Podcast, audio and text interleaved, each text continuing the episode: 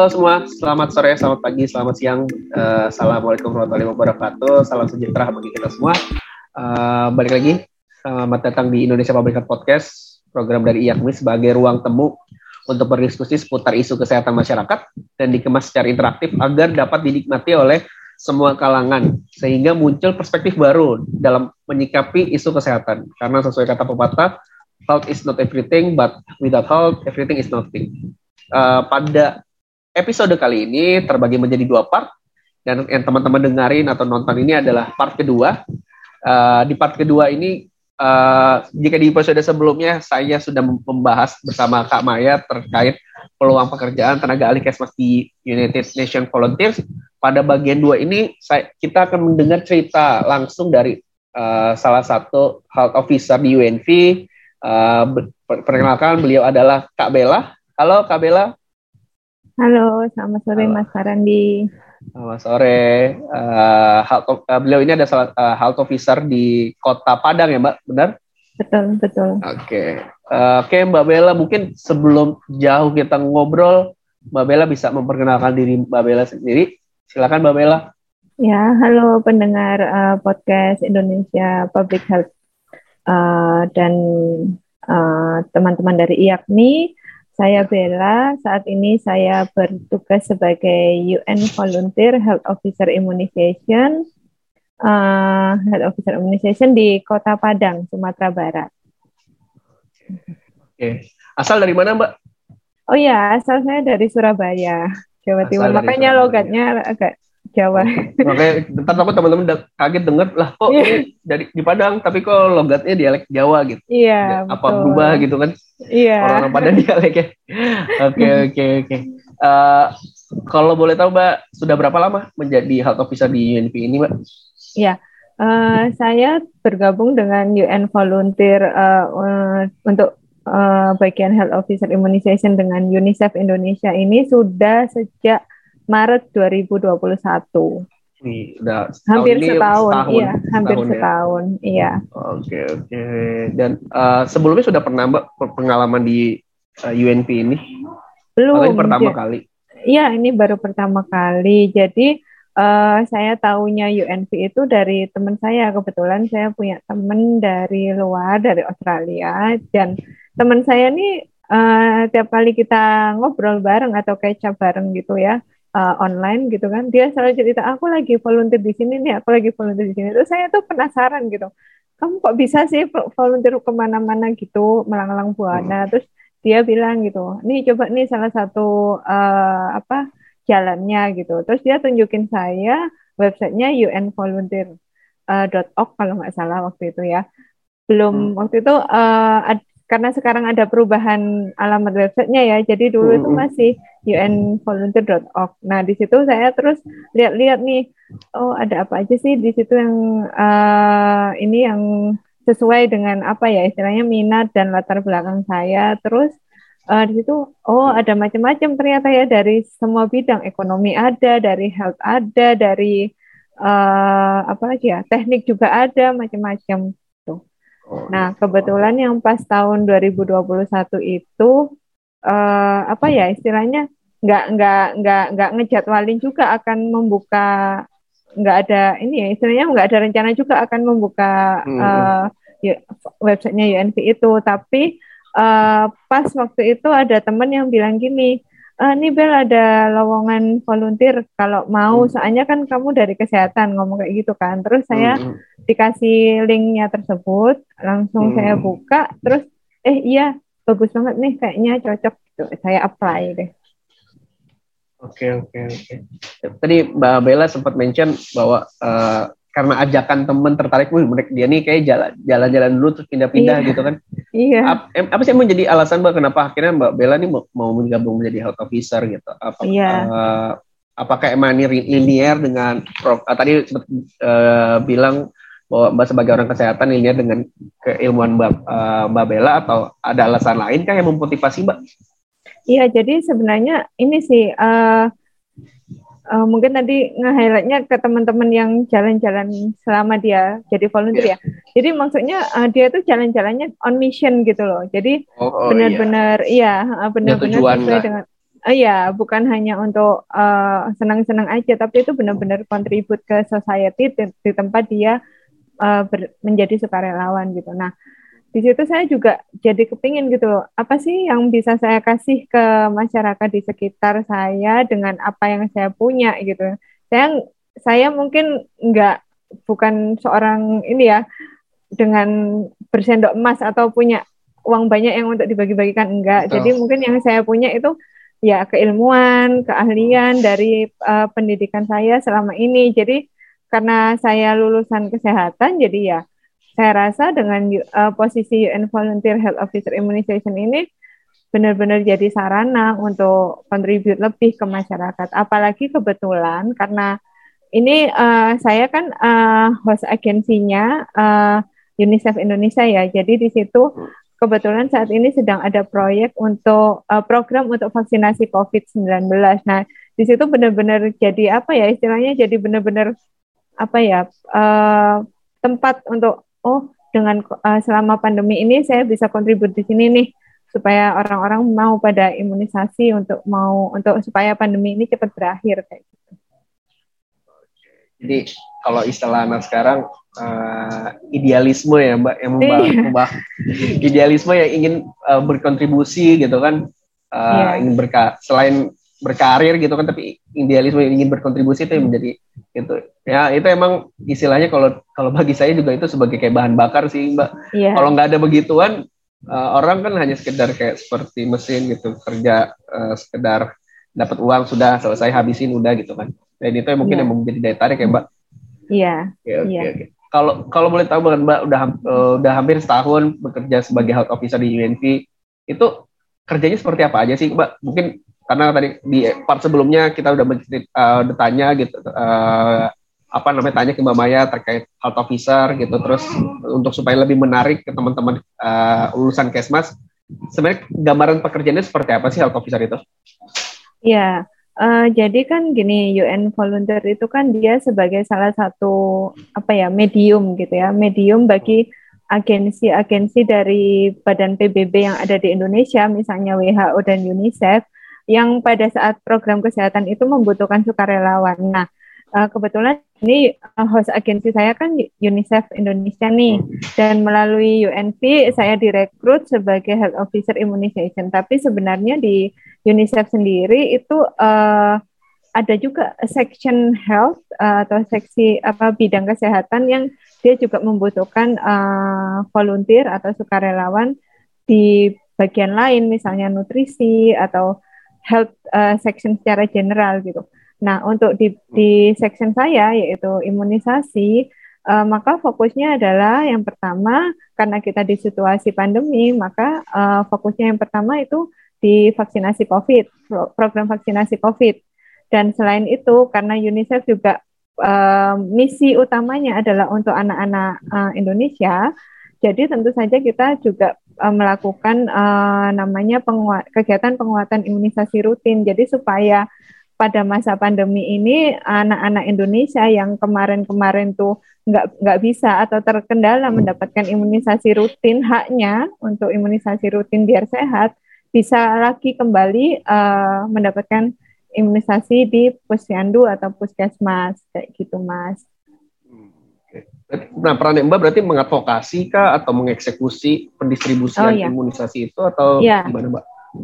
Jadi karena imunisasi uh, kompleks, istilahnya programnya kompleks, uh, saya, uh, kami, saya dan tim UNICEF yang diterjunkan ke lapangan itu terlibat istilahnya dari hulu ke hilir gitu mungkin ya bahasanya hulu betul, ke hilir gitu betul, betul. jadi dari uh, dari karena saya ditempatkan di Padang jadi uh, kantornya kan di Dinas Kesehatan Provinsi Sumatera Barat. Di situ saya uh, bekerja di bagian surveillance dan imunisasi uh, yang uh, istilahnya kita membantu daerah atau uh, prof, uh, apa namanya dinas provinsi ini untuk hmm. dapat melaksanakan program vaksinasi COVID ini secara lancar dan sukses di daerahnya.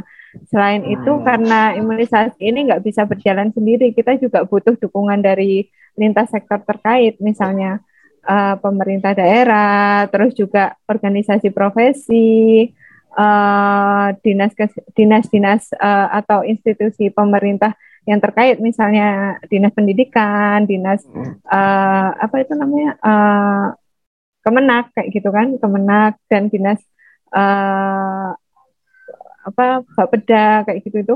Nah di situ kita uh, UNICEF juga punya peran selain untuk advokasi supaya gimana kita create enabling environment supaya orang-orang ini mau imunisasi gitu, mau bekerja sama, mau untuk untuk segera memulihkan Indonesia ini dari pandemi COVID-19. Nah, berarti sebenarnya kalau dengar cerita Mbak Bella, ini buat teman-teman yang idealismenya tinggi gitu, ini uh, punya semangat untuk membangun, istilahnya membangun negeri gitu, secara nasionalismenya tinggi juga. Ini cocok banget ya Mbak, karena ya sebenarnya kayak contoh masalah imunisasi itu sebenarnya masalahnya hmm. cukup kompleks gitu kan, yeah. dan uh, dibutuhkan peran pihak ketiga seperti UNICEF ini gitu kan ya Mbak untuk menjembatani yang lintas sektor, uh, uh, memfasilitasi hal-hal uh, teknis gitu ya di lapangan kurang lebih seperti itu berarti ya. Betul, betul. Selain itu juga itu kan tadi di hulunya ya, di betul. hilirnya di tempat pelaksanaan kan ini kan vaksin Covid ini kan vaksin baru gitu kan. Betul. Tentu dari tenaga kesehatan juga harus banyak banyak lagi apa belajar kan Hmm. yang, yang benar gimana sih nyuntikin vaksin Pfizer, hmm. nyuntikin vaksin Moderna gitu. Targetnya siapa aja sih yang boleh dapat AstraZeneca, yang boleh dapat uh, Sinovac kayak gitu kan. Jadi itu uh, apa ya? Sa saya juga membantu apa ya istilahnya menjembatani uh, penyebaran informasi gitu. Jadi misalnya dari dari Kementerian Kesehatan sudah mengeluarkan nih, ini ada juknis petunjuk teknis penyuntikan uh, uh, vaksin COVID untuk masyarakat gitu. Saya memastikan bahwa semua uh, apa tenaga kesehatan yang ada di dari tingkat provinsi, kabupaten sampai puskesmas mendapatkan update uh, tentang ya. juknis tersebut. Berarti Mbak Baila seperti fasilitatornya ya kalau untuk di hilirnya nih ya. Iya. Fasilitator teman-teman ya. nakes. Iya. Oke, oke, Mbak. Uh, kalau boleh tahu kalau health, health officer ini kan uh, tadi kalau fokusnya imunisasi ini uh, fokus ke imunisasi gitu. Nah, hmm. untuk uh, kota-kotanya kan tadi di Bamaya sempat mention kayak di Jayapura, Sorong, terus di Surabaya, terus Mbak Bella di Padang. Nah itu ruang lingkupnya hanya di kota tersebut saja atau sampai ke provinsi satu provinsi di kota, kota kan rata-rata itu ibu kota kan? Uh, jadi lingkupnya sih satu provinsi ya, cuma oh, data gitu. station atau base kita berkantor apa istilahnya ya, data station ya istilahnya, nah, itu di Padang. Jadi Ya tentu saya oh, juga gitu. melakukan ikut melakukan kunjungan ke kabupaten yang lain. Daerah-daerah lain ya. Iya, teman-teman yang di provinsi lain pun juga seperti itu. Berarti bertugas di uh, dinkes apa atau di mana mbak kalau di tingkat provinsinya? Iya, kalau itu tergantung sih karena kebetulan uh, UNICEF Indonesia itu kan kantornya kan uh, selain di Jakarta ada di di Banda Aceh, ada di Surabaya, Hmm. Ada di Makassar, ada di Kupang, dan ada di Papua. Jadi kalau misalnya kebetulan kita dapat tugas di uh, yang kotanya itu ada kantor UNICEF-nya, kita berkantornya di kantor UNICEF. Tapi karena saya tugasnya uh, penempatannya di Padang dan tidak ada kantor UNICEF di situ, jadi istilahnya numpang lah, numpang dengan kantor dinas kesehatan provinsi Sumatera Barat. Iya. Oke oke oke, bayang bayang. Oke, kita lanjut, Mbak. Uh, saya pengen Boleh. kalau tadi dengan Mbak Maya itu udah membahas tentang uh, bahwa itu apa lowongan ini membutuhkan orang yang pengalaman, udah udah punya pengalaman kerjaan tiga tahun. Nah, sebenarnya hmm. kalau dari Mbak Mbak Bella sebagai orang yang udah udah merasakan setahun ini, sebenarnya apa sih yang perlu disiapin gitu uh, saat melamar kerja ini hingga yang perlu disiapin saat udah kalau udah keterima gitu, mungkin mental atau atau finansial atau apa gitu pengalaman Mbak? Mungkin apa ya uh, niatnya dulu kali ya niatnya kita siapkan dulu bahwa kita benar-benar merantau jauh itu untuk benar-benar jadi sukarelawan kayak gitu. Terus setelah itu selanjutnya ini uh, kita kita teguhkan lagi gitu kan. Uh, yang perlu disiapkan adalah fisik, fisik terus juga uh, mungkin juga karena nanti pasti teman-teman yang baru onboarding nanti uh, ini pasti juga akan dapat bantuan informasi gitu ya dari hmm. para health uh, officer imunisasi yang ad, yang sudah ada gitu. Jadi kalau masalah informasi atau bantuan misalnya nyari kos atau apa itu jangan khawatir kami ada WhatsApp grup tersendiri yang tempat kita bisa share-share informasi. Terus yang kedua apa ya? Uh, kesehatan apa selain kesehatan juga ini sih apa uh, pengetahuan terkait lokasi tempat kita penempatan. Jadi misalnya karena saya bukan orang Padang, otomatis saya sebelum berangkat saya siapkan, saya baca-baca dulu lah gimana sih culture uh, masyarakat Minang kayak gitu. Terus apa saja sih do and dance-nya yang supaya ya kita bisa jaga sikap gitu loh, tetap bisa diterima di masyarakat. Gitu. Oke, okay. nah, itu buat teman-teman tuh yang uh, tapi kalau lowongan ini, Mbak, uh, sebenarnya apakah uh, tadi kan Mbak Mbak, Mbak Mila, kalau Mbak Bella dari Surabaya ke Padang, terus tadi Mbak Bella bilang kalau uh, hal merantau. Tapi sebenarnya kalau ini hal officer itu apakah prioritas untuk uh, teman-teman nakes atau teman-teman yang punya kualifikasi yang di uh, di tingkat lokal kota tersebut dibuka atau ini bisa buka di mana uh, di mana saja gitu? Buat orang oh, di mana saja yang mau lamar di Surabaya, di Jayapura kayak gitu. Oh iya, bisa kok asalkan keluarga negaraan kita Indonesia mau lamar di mana pun aja bisa. Dan, Jadi nggak mesti uh, harus misalnya lowongannya di Jayapura harus orang Jayapura, enggak gitu. Bisa aja kalau misalnya dari Jakarta ke Jayapura. Gitu. Nah kalau yang kayak gitu tuh mbak, misalnya dari Jakarta hmm. atau nggak kayak mbak ke Surabaya ke Padang, nah itu apakah difasilitasi mbak kayak uh, untuk kan karena lumayan juga kan lumayan jauh gitu difasilitasi yeah. dari titik rumah ke titik penugasan kayak gitu mbak iya jadi ketika kita sudah terima offer ya atau um, udah resmi kita nih uh, statusnya sebagai UN Volunteer Health Officer Immunization gitu kan hmm. nanti di situ kita akan dapat uh, briefing lebih lanjut terkait misalnya nih uh, oke okay, kamu harus berangkat nyampe di Padang tanggal sekian maka untuk kegiatan keberangkatan kamu, uh, silakan uh, ajukan rencana perjalanan istilahnya atau itinerary pesawat yang akan kamu gunakan, tanggal berapa berangkatnya gitu kan. Hmm. Dari dari Surabaya ke Padang, nanti di situ akan ada namanya biaya entry lamsam. Kalau nggak salah ya, entry lamsam uh, ada sekian dolar gitu ya, sekian dolar yang dialokasikan untuk para untuk para UNV ini yang uh, memang asalnya bukan dari data station yang disebabkan hmm. ya. Oke, okay, ya berarti nah itu untuk teman-teman tadi kalau di part sebelumnya udah dibahas tentang fasilitas yang didapat. Selain itu buat teman-teman di luar uh, ingin mendaftar tapi bukan di uh, sesuai dengan domisili di uh, tempat lowongan pekerja dibuka, ya teman-teman masih bisa difasilitasi ya mbak ya untuk yeah. kalau mau untuk nanti keterima dan mau uh, ke tempat penugasan. Ya, dan nanti kalau sudah selesai tugas ya, misalnya, uh, itu juga nanti akan ada fasilitas lagi untuk biaya kepulangan sampai di rumah, kayak gitu. Oke. Jadi nggak usah khawatir.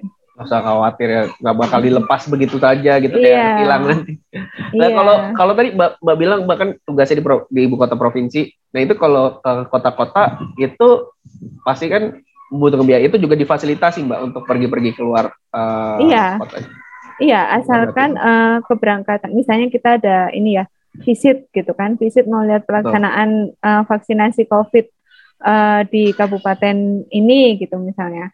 Ya, asalkan itu merupakan official duty yang mendapatkan persetujuan dari supervisor kita, bisa kita difasilitasi gitu. Nanti ada prosedurnya sendiri sih untuk masalah administrasi kayak gitu. Jadi ya, ya. don't worry ya.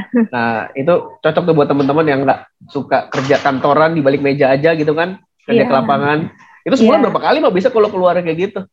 Tergantung sih mas, tapi juga kita lihat situasi pandemi oh, ini. Okay. Misalnya ya. kalau lagi puncak-puncaknya ya kita nggak berani ya. Betul betul. Paling dalam Omikron, kota aja.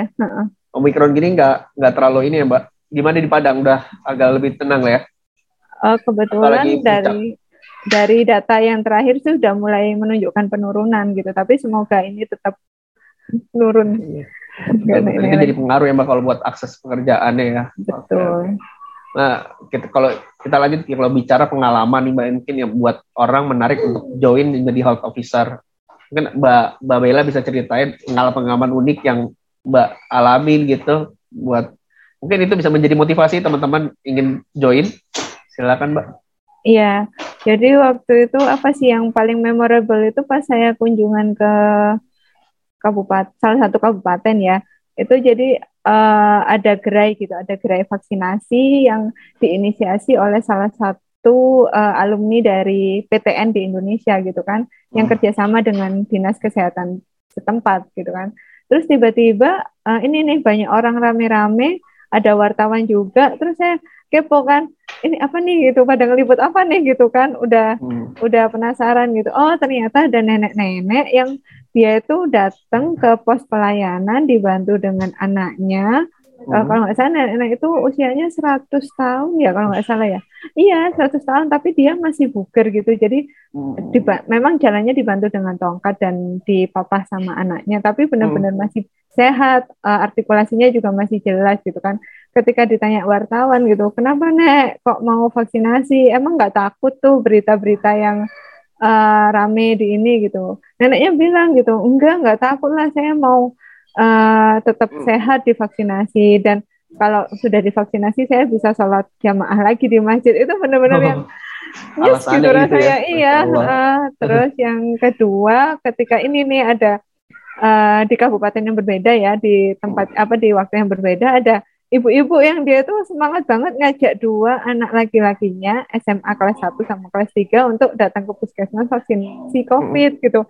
Itu bener-bener yang luar biasa. Wah, ibunya semangat banget. Biasanya kan orang tua kan kadang oh, nanti dulu Aku. jangan dulu. Iya, agak ragu-ragu. Tapi ini ibunya yang bener-bener semangat yang sampai anaknya takut jarum suntik pun ini nggak apa-apa, nggak apa-apa. Sebentar sakitnya itu itu bener-bener yang wow gitu luar biasa kalau dari sisi uh, tantangan gitu mbak apa sih menjadi tantangan untuk teman-teman satu officer khususnya isu imunisasi ini gitu kan karena saya tahu sendiri bagaimana imunisasi di Indonesia ini kan uh, apa ya nggak bisa dibilang mulus juga enggak dibilang juga buruk juga enggak gitu kan karena uh, kalau di di apa di US kan jelas ada ada ya kubu konservatif yang tidak dukung tentang imunisasi vaksinasi gitu. Tapi di Indonesia juga arahnya mulai ke sana gitu kan. Banyak juga kayak mikir, wah imunisasi haram, imunisasi ini, ah, konspirasi-konspirasi gitulah gitu. Nah, sebagai Mbak yang udah melihat lapangan selama setahun ini, tantangannya apa sih Mbak ke depan buat kalau mungkin teman-teman yang ingin bergabung untuk health officer ini di lapangan? Kalau dari segi program ya, misalnya vaksinasi COVID tuh ya, ya kurang lebih sama sih yang seperti yang kita baca-baca di media sosial, di televisi hmm. kayak gitu bahwa mereka tuh masih masih banyak kita temui bahwa masyarakat tuh masih oh, COVID ini ada-ada aja deh masa mau puasaan dinaik-naikin kasusnya kayak gitu kan. Nah, hmm. itu juga masih ada yang kayak gitu. Masih ada yang mereka tuh merasa prokes nggak penting ah gitu. Yang penting jaga kesehatan aja dengan makan makanan bergizi kayak gitu. Jadi masih banyak misinformasi masih banyak disinformasi masih banyak hoax yang beredar di masyarakat yang itu cara nggak langsung mencegah mereka atau menghambat mereka untuk mengakses vaksinasi COVID gitu. Sedangkan hmm. untuk imunisasi rutinnya mungkin juga karena Sama orang juga, tua iya karena orang tuanya takut ya anaknya tertular atau sebagaimana. Ya. jadi mereka juga kayak ragu-ragu nih ini bisa nggak ya bawa anaknya ke puskesmas untuk imunisasi kayak gitu. Nah tapi kalau tantangannya dari sebagai UN volunteer sendiri di uh, maksudnya pribadi saya ya karena saya kan uh, dari Pulau Jawa ke Pulau Sumatera otomatis ada tantangan hambatan budaya gitu yang kadang-kadang ya, saya iya shock culture terus juga bahasa yang kadang-kadang itu jadi kendala juga untuk komunikasi kayak gitu. Terus juga sama apa ya? Mungkin uh, apa uh, beberapa sikap kita, beberapa pilihan kita itu jadi pertanyaan gitu loh. Kok seperti ini gitu? Padahal menurut kita uh, ya itu, uh, uh, itu udah udah udah style kita gitu, udah bawaan istilahnya ya. Itu kayak gitu sih ya perbetul gitu ya mbak ya ya itu jadi uh, justru jadi mudah daya tarik sebenarnya kalau menurut iya. saya pribadi sih daya tarik iya. kalau itu uh, supaya apa ya kita berusaha untuk menyesuaikan atau juga menyelesaikan masalah-masalah kayak tadi misinformasi dan sebagainya nah ini buat teman-teman nih kalau emang tertarik pengen tahu apalagi kalau menurut saya sih kalau dengan menjadi health officer ini bisa membuka mata tentang Indonesia ya gitu. Apalagi buat teman-teman yang kalau melamarnya bukan hanya di uh, lokal tersebut di, lo, di lokal tersebut gitu yang harus merantau kayak seperti Mbak Bella ini jadi membuka mata gitu apalagi mungkin Mbak Bella selama ini hanya di lingkungan Jawa terus yeah. tiba-tiba di lingkungan Sumatera suaranya keras-keras atau uh, lebih yeah. konservatif kayak gitu kan itu kan yeah. beda ya Mbak benar-benar jadi kayak apa ya istilahnya kita belajar gitu oh membuka diri itu seperti ini kayak gitu. Open mind kayak gitu kayak gitu. jadi sebenarnya banyak juga sih apa yang kita dapat gitu kan dari pengalaman sebagai volunteer ini gitu. Ya ya. Oke mbak kita masuk ke bagian penutup tinggal uh, sedikit lagi mbak. Udah cukup uh, banyak nih obrolan kita pengen uh, tadi di part sebelumnya Mbak Maya udah cerita gimana cara mendaftarnya. Nah, kalau Mbak Maya eh Mbak, Mbak Bella sebagai orang yang sudah lolos nih sebagai health officer, ada nggak sih tips and trick untuk uh, supaya berhasil lolos menjadi health officer di UNP? Karena di UN nih Mbak, hmm. orang juga kan uh, kadang apa namanya apa sih kalau teman-teman di daerah kan juga nggak merasa kayak kualifikasinya apakah saya mampu atau enggak gitu ataupun kalau misalnya mampu sebenarnya caranya gimana sih biar bisa bisa masuk kayak gitu hmm. yang pertama sih baca dulu ya baca dulu secara detail apa sih yang diminta di lowongan tersebut gitu kan. Kriterianya apa aja eligibilitasnya eligibility yang dipersyaratkan gitu kan. Terus pahami bagaimana cara mendaftarnya karena sekarang UNP sudah ada platformnya sendiri ya yang nanti akan dituliskan di description box ya mas katanya. Itu nanti coba explore dulu lah websitenya itu seperti apa setelah membuat akun. Uh, lalu juga masukkan uh, setiap uh, menjawab setiap pertanyaan dan apa apa pun yang dipersyaratkan di dalam form pendaftaran tersebut itu harus berusaha sebaik mungkin dilengkapi gitu. Jangan sampai ada yang miss gitu. Dan kalau misalnya masih ragu-ragu nih, itu kebetulan uh, nggak kita nggak harus sekali duduk langsung selesaiin, nggak bisa di save gitu. Jadi kalau masih ragu-ragu, misalnya bisa nih kita copy paste dulu pertanyaannya ke Word dokumen, terus nanti kita coba jawab di Word dokumen. Nanti kalau sudah yakin, baru kita pindahin ke ini apa ke websitenya tempat kita aplikasi pendaftarannya itu tadi. Dan nanti pastikan bahwa uh, apa kalau nanti dipang apa buka email, buka email ini sih rajin buka email, cek update email gitu kan.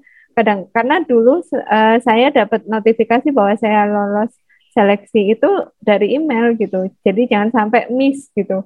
Kan hmm. sayang nih kalau udah sebenarnya lolos tapi karena telat baca emailnya jadi nggak kepanggil kayak gitu. Oh, oke okay, oke. Nah, uh, kalau tadi kan Mbak, Bella udah ceritain tentang cara kerjanya kayak gitu. Kalau uh, mungkin kalau dari perspektif Mbak Bella, ini kan audiens podcast ini mungkin yang besar adalah teman-teman dari lulusan Kesmas. Nah, hmm. uh, kenapa sih mungkin Mbak Bella bisa jelasin kenapa sih auto ini cocok untuk teman-teman lulusan Kesmas? banget uh, uh, health officer imunisasi ya saya rasa ah, karena betul. pas banget nih ada tiga lowongan yang kebuka kan di uh, Jayapura, Sorong dan Surabaya.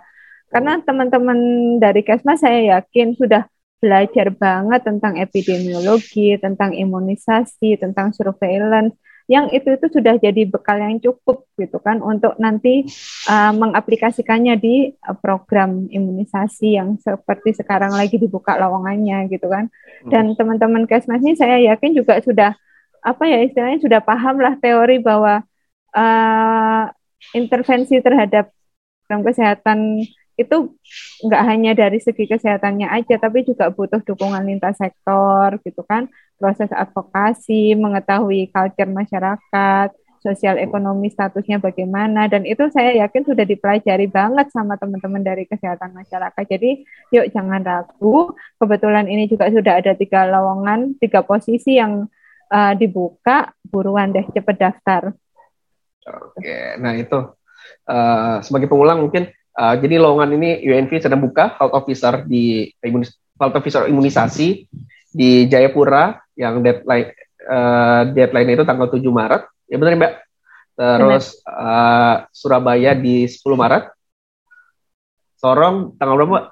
13. Uh, 13 Maret. Nah, ini mungkin tinggal beberapa hari lagi uh, mungkin podcast ini akan di launch di tanggal 5, mungkin tinggal beberapa hari lagi lah uh, masih ada waktu buat teman-teman yang ingin mencoba mendaftar. Nah, ntar uh, kalau untuk linknya saya akan taruh di deskripsi. Nanti teman-teman bisa langsung klik dan uh, isi uh, poin-poin yang uh, yang diminta. Oke, Mbak, sebagai kalimat penutup mungkin ada uh, masukan uh, motivasi dari Mbak, Mbak Bella buat teman-teman yang ingin mendaftar atau apa pun itu terserah Mbak Bella. Iya, uh, jadi uh, apa ya? Uh, expand your comfortable zone gitu. Apa ya? Uh, kita luaskan hmm. lagi uh, zona nyaman kita gitu kan. Uh, salah satunya dengan berkontribusi untuk masyarakat uh, sebagai UN volunteer dan teman-teman dari Kesmas uh, dan dari IAKMI jangan ragu bahwa ini benar-benar kesempatan yang worth to apply banget uh, untuk saat ini ya apalagi ada tiga posisi yang lagi dibuka please please do apply kalau memang interested. Oke. Kasih banyak Mbak Bella. Uh, mungkin kasih, sebelum ini uh, ada sosial media yang bisa diikuti. Mungkin kalau teman-teman pengen tahu cerita-cerita Mbak Bella mungkin aktif di sosial media kah? Cerita-ceritanya oh, selama jadi health officer? Karena di sini juga sinyalnya kadang naik turun naik turun ya, jadi jarang oh. update. Jadi mungkin update-nya ke ini aja UN Indonesia uh, eh, UNV Asia Pasifik. Di situ mungkin uh, akan lebih banyak update, terutama lowongan-lowongan yang uh, mungkin misalnya teman-teman lagi saat ini uh, tertarik, aku nggak pengen imunisasi nih, mungkin barangkali nanti ada bukaan lagi di nutrisi atau apa, silakan cek aja di situ. Oke, okay. bisa dicek nanti. Uh, saya akan masukkan uh, sosial media dari UNV dan UN yang lainnya di uh, deskripsi. Sekali ya. lagi masih banyak Mbak Bella atas kesempatannya sudah mau hadir di podcast ini. Sebelumnya Mbak Maya juga sudah hadir. Makasih banyak uh, dari uh, United Nation Volunteer yang sudah mau mengisi konten pada episode ke-9 ini. Semoga ya uh, tadi informasinya bermanfaat buat teman-teman semua, khususnya teman-teman yang sedang lagi dilema nih mau cari kerja gitu kan. Ini lagi buka, bisa langsung dicek, nggak uh, usah malu, eh nggak usah sungkan, nggak usah uh, harus pede, berani lagi buat teman-teman yang sudah merasa sesuai dengan kualifikasi, silakan bisa coba. Uh, linknya ada di deskripsi. Uh, sekali lagi makasih banyak. Nantikan episode selanjutnya uh, podcast ini akan hadir di, di YouTube Yakmi, Yakmi Official dan platform-platform podcast seperti Anchor, Spotify, Google Podcast dan Apple Podcast. Uh, jika Anda suka dengan podcast ini, jangan lupa like uh, dan share konten ini agar orang tahu tentang konten ini. Sekali lagi makasih banyak, Mbak Bella. Terima kasih. Uh, sehat selalu ya, sukses untuk uh, pekerjaannya di sana. Terima kasih. Salam.